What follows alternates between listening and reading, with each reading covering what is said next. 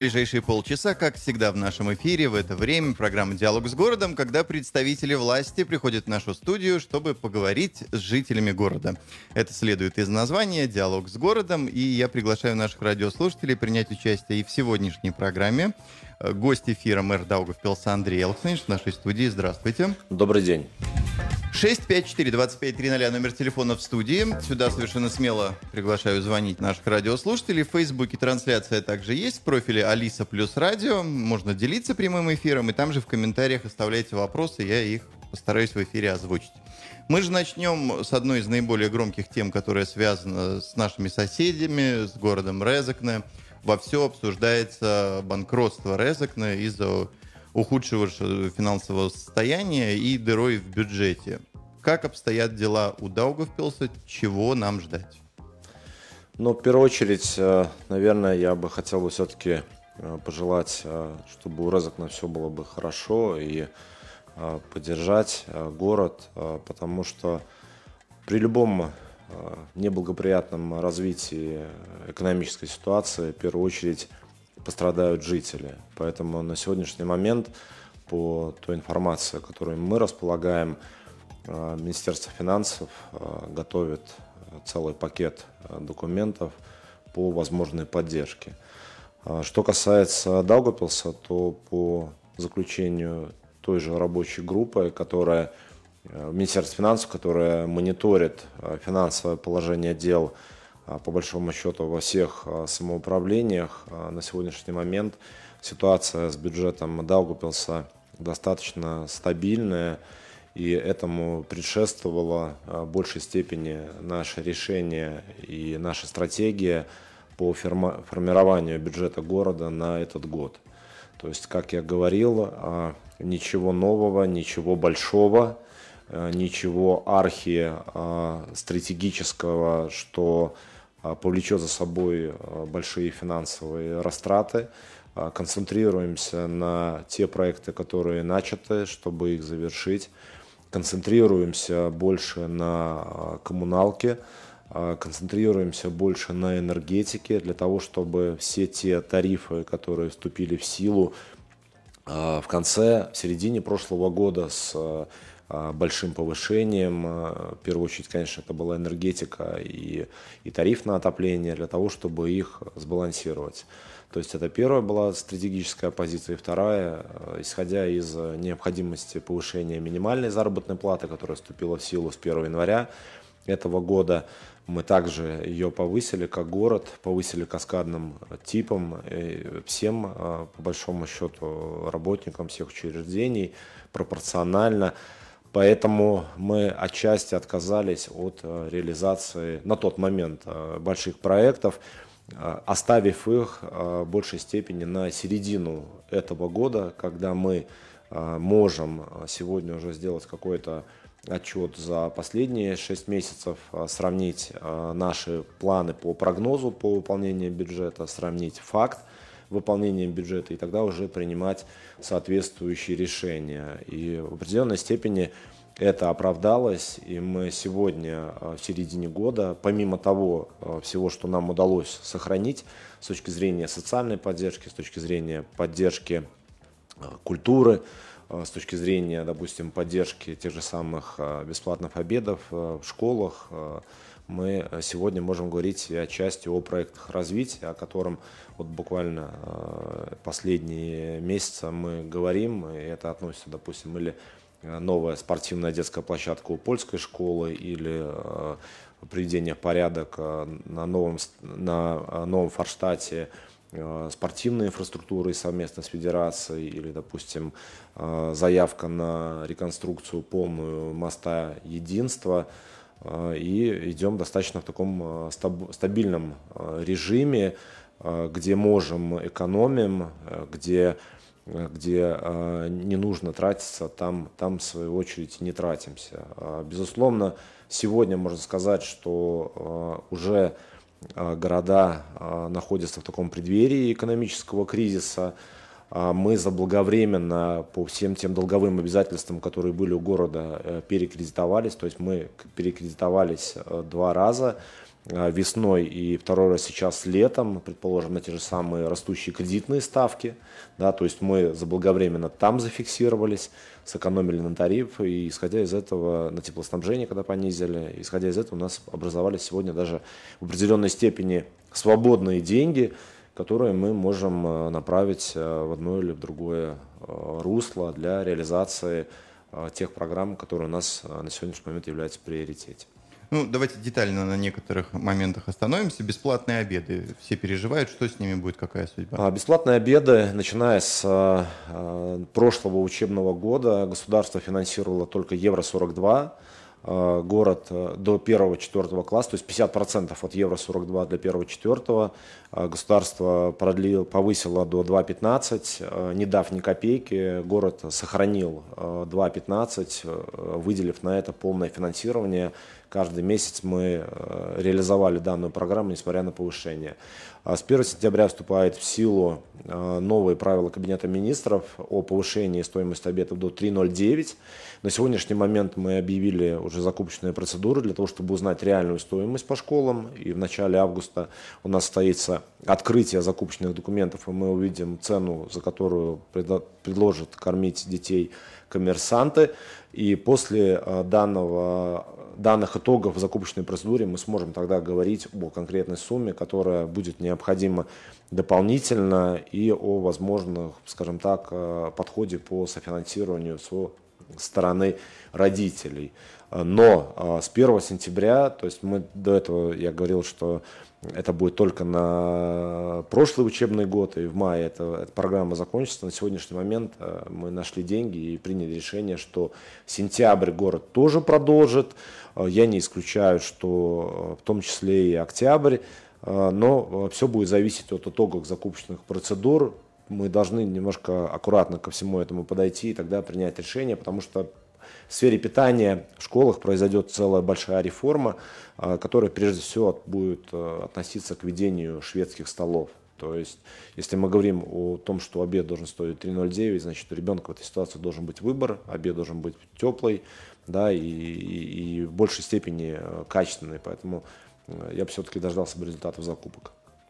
654-2530, номер телефона прямого эфира. Я приглашаю наших радиослушателей присоединяться к диалогу. Мэр Даугавпилса Андрей Алксович сегодня в нашей студии. Про общественный транспорт. Повысится ли э, стоимость проезда на а, общественном транспорте? Ну, нужно признавать, что общественный транспорт э, всегда э, был э, датируемый, э, скажем так, со стороны самоуправления э, направлением.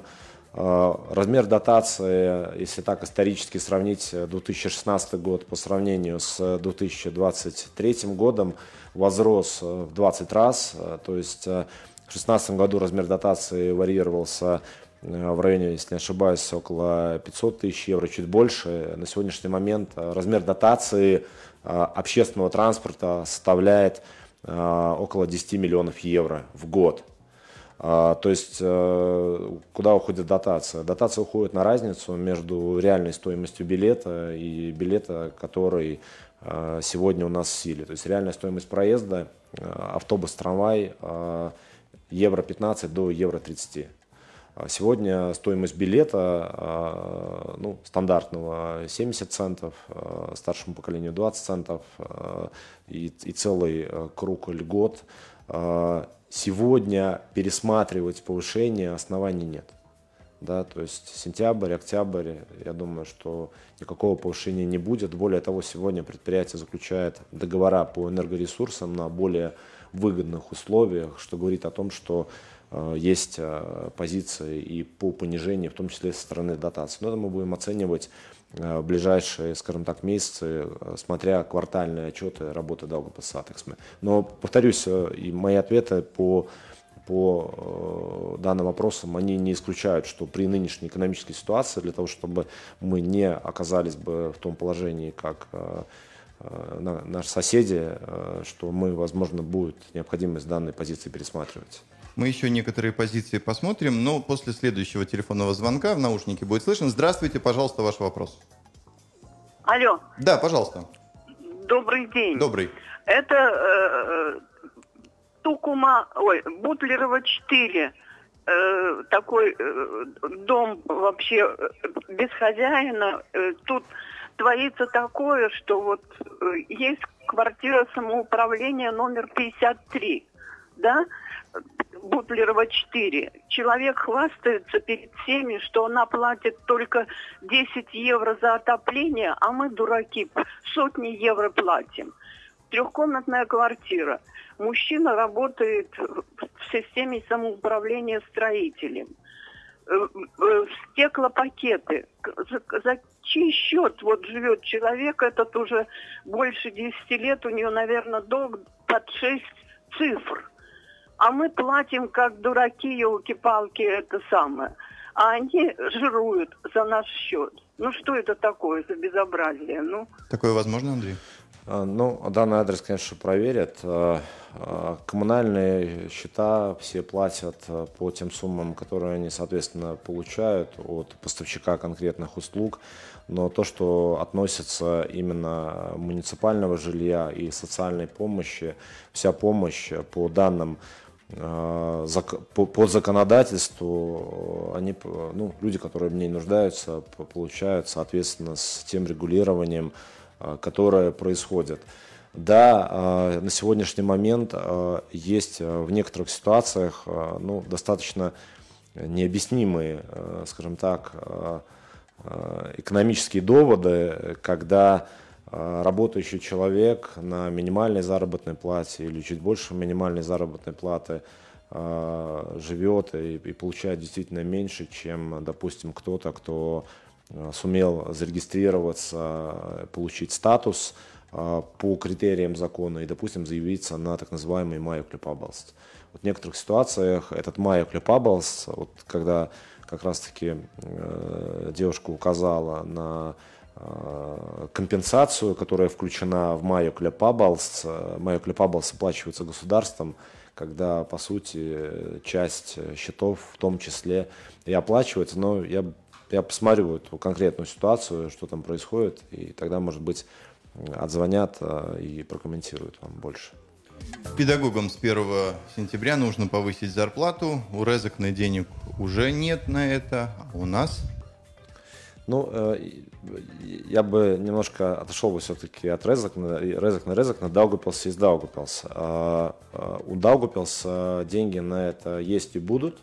А, как известно, Министерство образования приняло решение о повышении заработной платы педагогам. Педагогам она должна быть повышена с 1 сентября. Министерство заявляет, что повышение должно составить от 20 до 25 процентов, но государство финансирует только школы дошкольные учреждения, педагогов в дошкольных учреждениях, нянечек в дошкольных учреждениях финансирует самоуправление. И вот тут ну, отве, от, ответить достаточно быстро будут, и мы пропорционально повысим заработную плату педагогам в дошкольных учреждениях. И буквально на этой неделе у меня в том числе была встреча с руководителем управления образования, и ей дано поручение обеспечить финансированием, в том числе и повышение заработной платы нянечкам. При этом повысить это все в реальных цифрах, а не играясь э, ставками, как э, это происходит э, в одном или в другом месте. Э, жду выполнения данного поручения. Но э, так как вы задали достаточно э, интересный вопрос, э, повторюсь, что э, положение бюджета города любого э, в большей степени зависит от э, поступлений от налога на подоходного налога с населения. И данный подоходный налог с населения распределяется между городом, городами и государством. Что делает государство последние, если не ошибаюсь, 4 где-то года? Государство сократило количество поступлений а, налога, а, подоходного налога с населения в бюджеты самоуправления, забрав от городов определенную процентную часть. То есть государство, которое сегодня Э, ну, назовем так, испытывает кризис э, в определенных сферах э, и не находит деньги, забирает у городов финансирование, ограничивает самостоятельных городов, а, и одновременно забирает деньги, вешает на города ну, целый ряд обязанностей. Ну, предположим, с 1 января повышение минимальной заработной платы. Вы повысите, но деньги не дадим. Да? Или, допустим, повышение заработной платы педагогов. Вы повысите, деньги не дадим. Или, допустим, э, увеличение стоимости обедов э, в школах вы, мы повысили, да, деньги не дадим.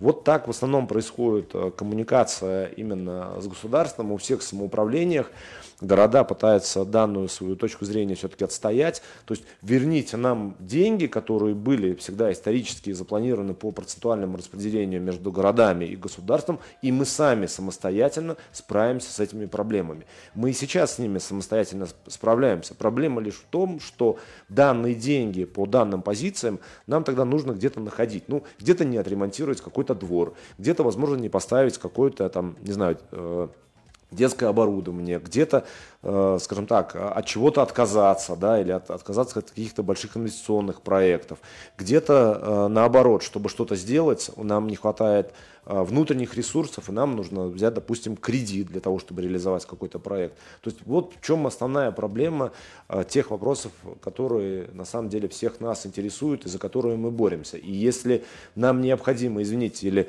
Э, станцию на ТЭС-2 новую построить на щепе, или э, путепровод, допустим, вторую линию сделать, или там отреконструировать э, мост единства, то за деньгами нам необходимо идти или ругаясь, да, или упрашивая.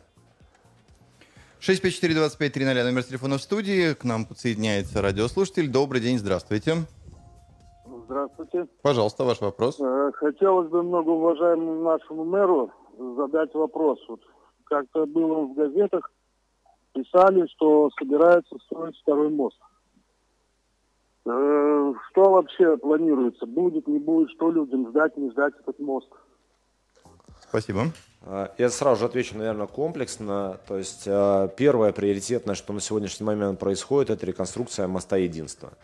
А, на сегодняшний момент, по в том числе и заключению госконтроля, а, состояние моста признано неудовлетворительным. Все автолюбители, а, проезжая по нему, видят, насколько проведенные ремонтные работы недолговечно, где-то появляется яма, где-то появляется выбоина, латают, что-то меняют, и все это недолгосрочно. Поэтому мы подготовили проектную документацию, по проектной документации мы планируем э, в ближайшие, ну, я думаю, месяц объявить закупочную процедуру на проведение ремонтных работ. Э, запланированы ремонтные работы на лето следующего года, э, в рамках которых будет осуществлено движение только по одной из линий, ну, части да, моста. Пока будут делать одну часть, поедут по другой, со всеми регулировщиками и, и так далее, так далее, так далее.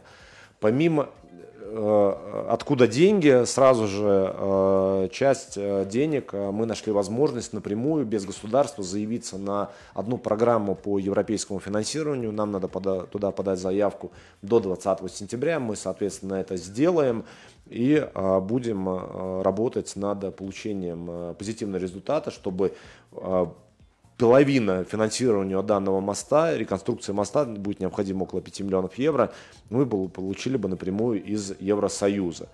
Параллельно э, во время ремонтных работ мы э, начнем дискуссию с Минсообщением э, о возможности сооружения понтонного моста, как я сейчас помню, еще в детстве, когда тоже мост единства ремонтировался, мы ездили по понтонному мосту со стороны там, где аэропорт э, Гривский, э, соединяющий с северным микрорайоном, и там может тогда такую, как дополнительный разъезд. То есть это первая история по поводу мостов. А второе, что касается, это путепровод Смилш, вторая часть.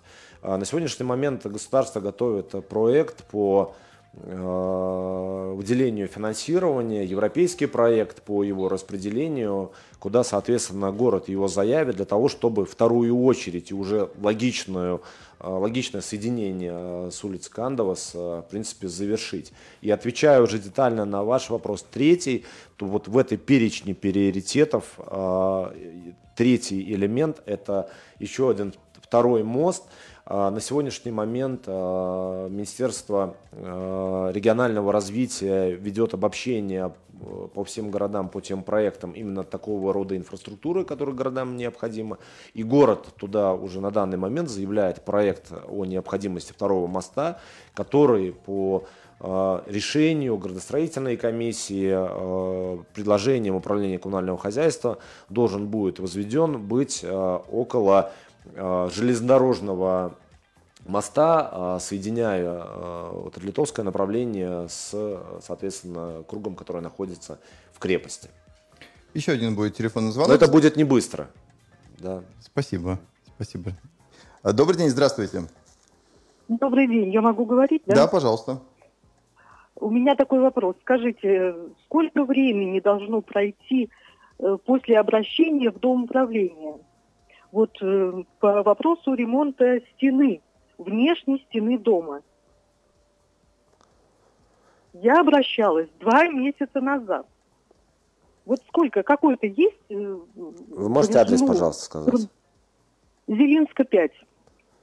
А, по, по, по закону а, срок а, реагирования от домоуправления или от любого другого учреждения составляет один месяц максимально. Если в течение месяца, это, об этом говорит закон о заявлениях, если любое учреждение в течение месяца не могут ответить, они э, отвечают о временном Э, ответом, скажем так, оповещением о том, что в связи с тем, что необходимо получить дополнительную информацию для принятия решения, могут продлить срок рассмотрения заявления до 6 месяцев. Но в течение месяца минимально должна произойти э, коммуникация между жителями дома. Я проверю э, данное ваше заявление и, соответственно, сделаем орг-выводы по, по нему. 654-2530, номер телефона прямого эфира. Вами принято решение о централизации всех городских э, бухгалтерий. Какова цель этого шага? А, дело в том, что э, исходя из, э, ну, в первую очередь, финансового состояния, исходя из того, что мы все-таки внедряем новые умные технологии в работу структуры, Э, не наращиваем э, какого-то либо административные штаты. У нас принято решение две недели назад на заседании городской думы, все коллеги поддержали о централизации бухгалтерии. То есть первая причина в чем? Дело в том, что у нас исторически в Даугавпилсе есть учреждения, у которых есть бухгалтерия, есть учреждения, у которых нет бухгалтерии. Вот в чем отличие, чтобы, допустим, у Зинатню виду школы не было бы бухгалтерии, а, предположим, Салда школы была, была бухгалтерия. То есть не равное а, а, отношение к учреждениям без какого-либо обоснования. Это первое. То есть это не, говорит о том, о необходимости централизовать. Второе, у нас есть бухгалтера, допустим, управления образования, чьи, которые получают зарплату 970 евро, есть бухгалтера управления коммунального хозяйства, которые получают 1700 евро за, по большому счету, одну и ту же работу. Вот какие аргументы для этого могут быть? Аргументов для этого нет. Поэтому принято решение о централизации бухгалтерии, в рамках которых сегодня количество бухгалтеров в Даугавпилсе по всем учреждениям самоуправления составляет порядка около 70 штатных единиц. Да, достаточно большое хозяйство бухгалтерии, как бы на это не посмотреть.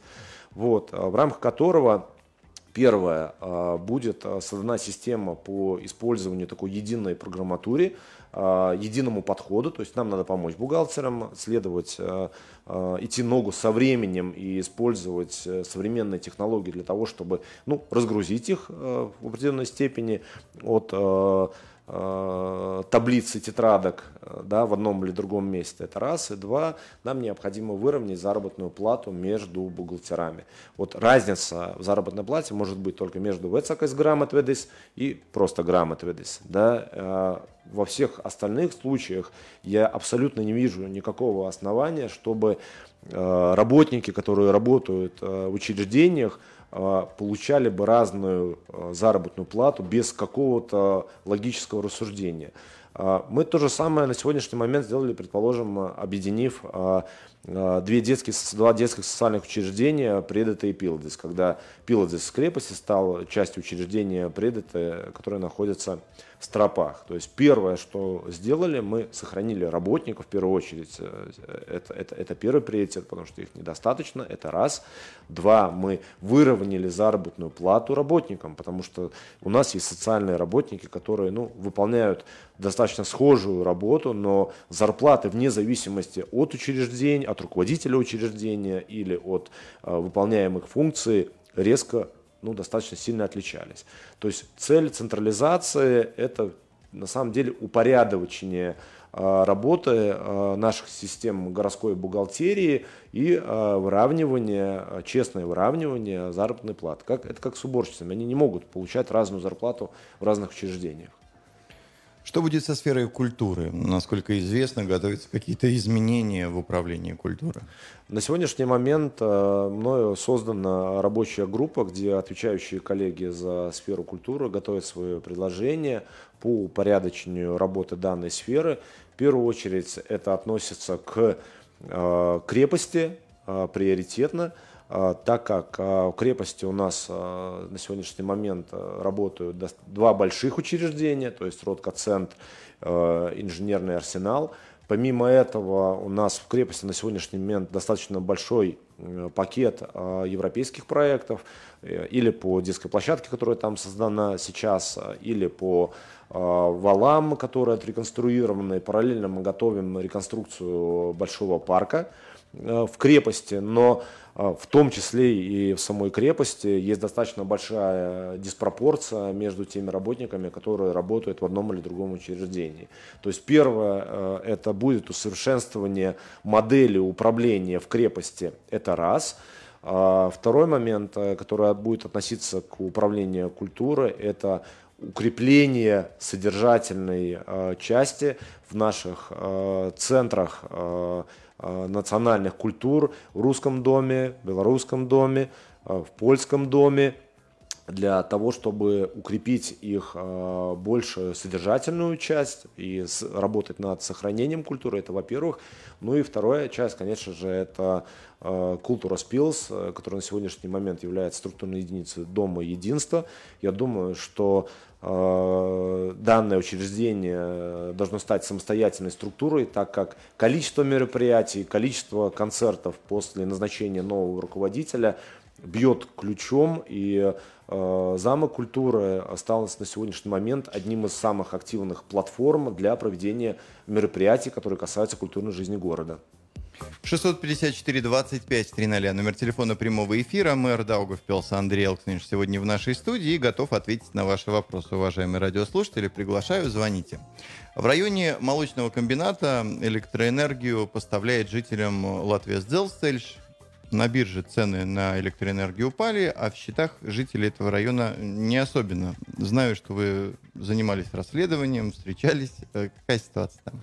Э, ну, я бы не сказал, бы, что расследованием. Дело в том, что э, исторически на тех территориях, на которых развивалась латвийская железная дорога, именно латвийская железная дорога выстраивала в, чем, в том числе и сети по электроснабжению.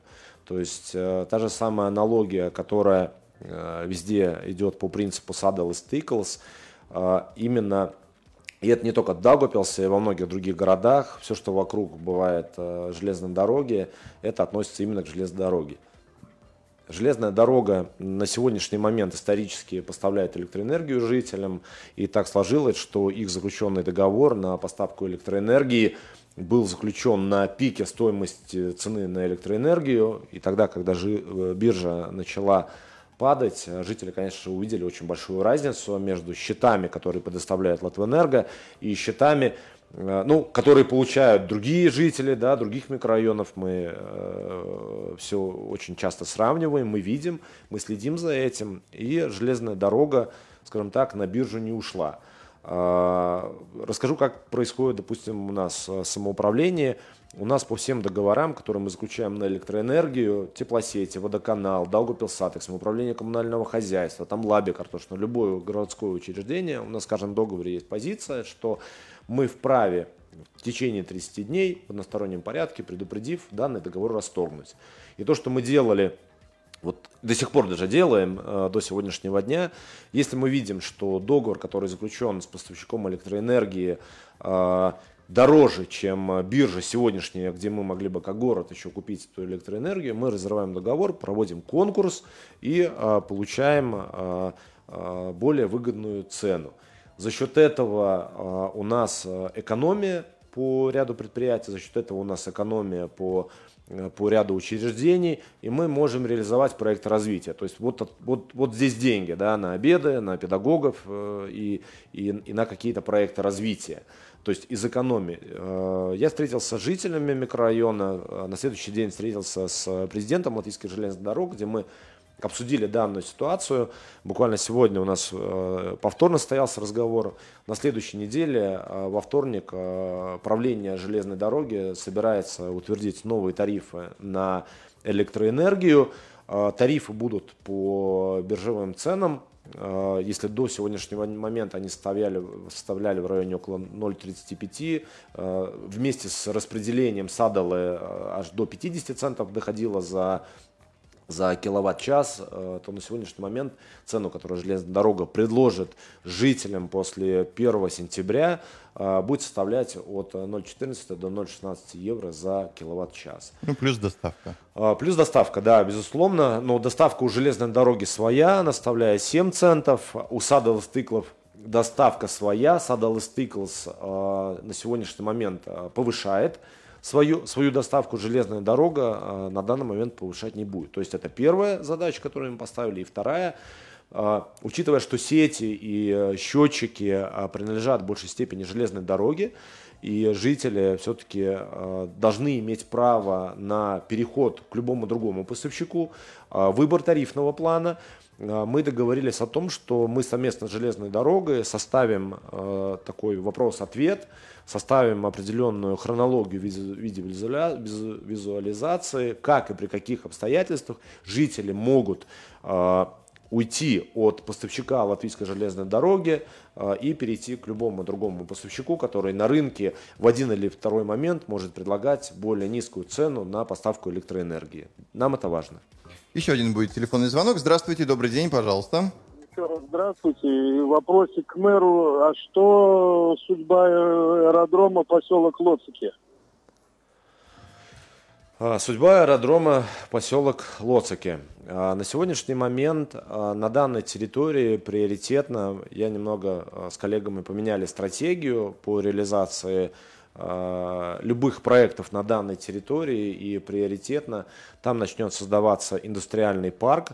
На сегодняшний момент у нас подготовлена проектная документация на э, три здания э, на общую квадратуру поряд, чуть более 10 тысяч квадратных метров на производственные здания. То есть на сегодняшний момент производственные территории в городе на любом из индустриальных парков достаточно ограничивают возможностью по приходу новых инвесторов.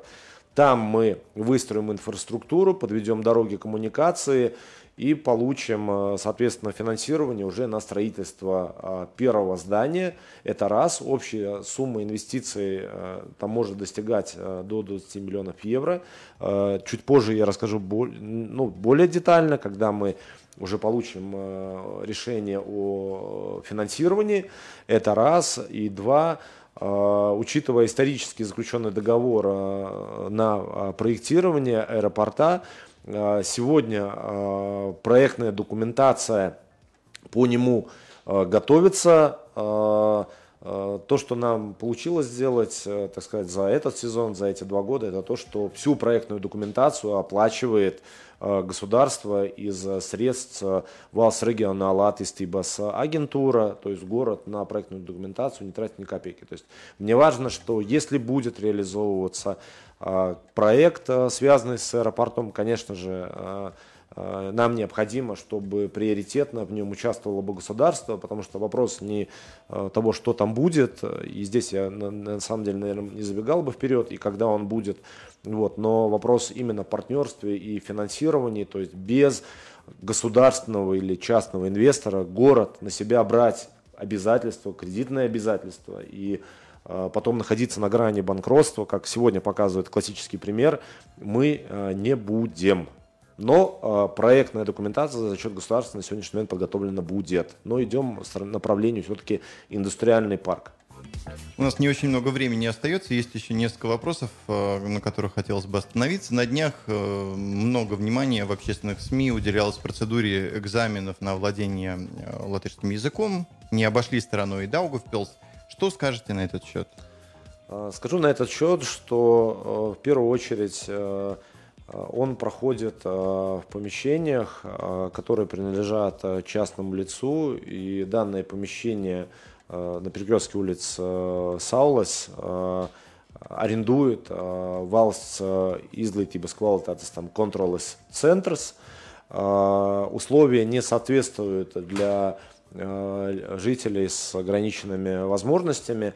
Вчера поручил руководителю департамента провести там проверку на доступность именно данного государственного центра, да, я отмечу, в рамках которого они уже сегодня получат рекомендацию о несоответствии помещений данным требованиям, это раз. И два, помимо этого, мы предложим им со стороны города использовать наши городские помещения, или это может быть ДКХ, или это может быть, допустим, какие-то социальные учреждения, в которых мы за этот год реализовали ряд проектов по совершению именно доступности окружающей среды. То есть экзамен не может превратиться, скажем так, еще и в физическую пытку в данном, данном ключе, поэтому все распоряжения даны немножко помочь им государственное учреждение. Еще один будет телефонный звонок. Здравствуйте, пожалуйста. Здравствуйте. Вы знаете, я очень хочу обратиться от всех пенсионеров, потому что вчера со мной такой произошел случай, вплоть до того, что, извините, можно и инфаркт получить. Вот хотим предупредить, а то и в миллионе, я почитала, красиво предупреждают, что и в банках не связывайте с теми. Вчера звонит мне из Теле2 и вот говорит, я к вам подключиться хочу, поставить вирус и а, антивирус. Я говорю, у меня он есть уже. Нет, он плохой. Он меня мурыжил 28 минут. А потом, как начал предупреждать, что я вам отключу телефон, я вам сейчас заблокирую телефон, у меня вообще уже истерика началась. Так вот, давайте пусть Э, мэр подумает, или полиция будет э, чем-то заниматься, или операторы Теле2, потому что мы, пенсионеры, платим Теле2 за 6,99. И они сейчас ухитрились всем нам названивать, пугают, откуда я знаю, кто он такой, или из Теле2, или мошенник предупреждайте, что вот как мне уже потом, я уже позвонила в Ригу зятю, он говорит, он должен был представиться на латышском языке. Это в первую очередь. Потом никто не имеет права вам отключить телефон. А он мне сразу начал, насел, что, мол, вы написали э, заявление, на, э, чтобы мы э, поставили антивирус. Но я немножко соображаю, так работала вообще-то грамотведа, и я говорю, какое заявление, а кто, какой мой персональный код, а кто его подписал, он электронная подпись. Я говорю, у меня электронной подписи не существует. Вот этим я им отмазалась он немножко отстал, но он же за 28 э, минут он меня вывел до истерики. Вот поэтому нужно объяснять людям, что в миллионе там красиво, не связывайтесь и не понимаете. Откуда мы знаем? Надо конкретно людям говорить, что э, Теле2 звонит, значит, с латышского языка начинает. Банк звонит тоже. Самое с латышского я, языка Я, я прошу начинает. прощения, у нас очень мало эфирного времени. Суть вопроса ясна. Андрей, Но очень коротко. Вне зависимости, а, когда вам звонят и на каком языке с вами начинают говорить, мошенники могут звонить и начинать говорить, говорить с латышского. Это абсолютно никакой не показатель по выбору языка. Вам звонит а, сама компания или лицо, которое хочет представиться от ее имени. Сделать здесь совершенно не в языке. Это во-первых. Во-вторых, э, ну, я могу похвалить вас за ваше терпение, что вы 28 минут вам хватило его выслушать. Э, в моем понимании, если есть подозрение, что это мошенник, вам нужно просто-напросто класть трубку и не продолжать э, такого рода дискуссию. В-третьих, да, на сегодняшний момент мы знаем о том, что участились случаи телефонного мошенничества. В государственной полиции есть целый отдел, который занимается такого рода преступлениями, и о них нужно сообщать. А, с какого номера телефона они звонят, а, какого рода коммутатор. Но тогда, когда у вас есть, и я, конечно, хочу попросить всех горожан обратить внимание, если вам звонит незнакомый номер телефона, и если у вас есть сомнение, что это мошенник, то есть разные другие формы, как связаться с данной, скажем так, обслуживающей организацией, будь это, допустим, Теле2. Или прийти, Теле2 у нас Даугапилсе, он благо есть, Или, допустим, списаться с ним по имейлу, и тогда это будет уже официальная коммуникация по ими указанному электронному адресу, или звонить на их информационный телефон, на котором, прежде чем, когда вы позвоните, там будет э, э, предупреждение о записывании разговора, и тогда все мы сможем проверить, что кто кому говорил, кто что кому предлагал и какие услуги по телефону рекламировались. А так будьте, правда, осторожны.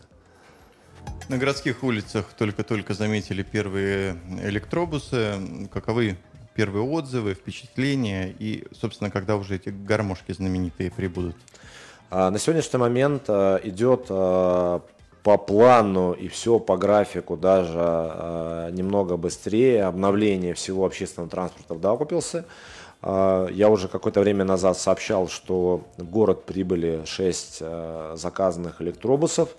На этой неделе первые три уже вышли в рейс.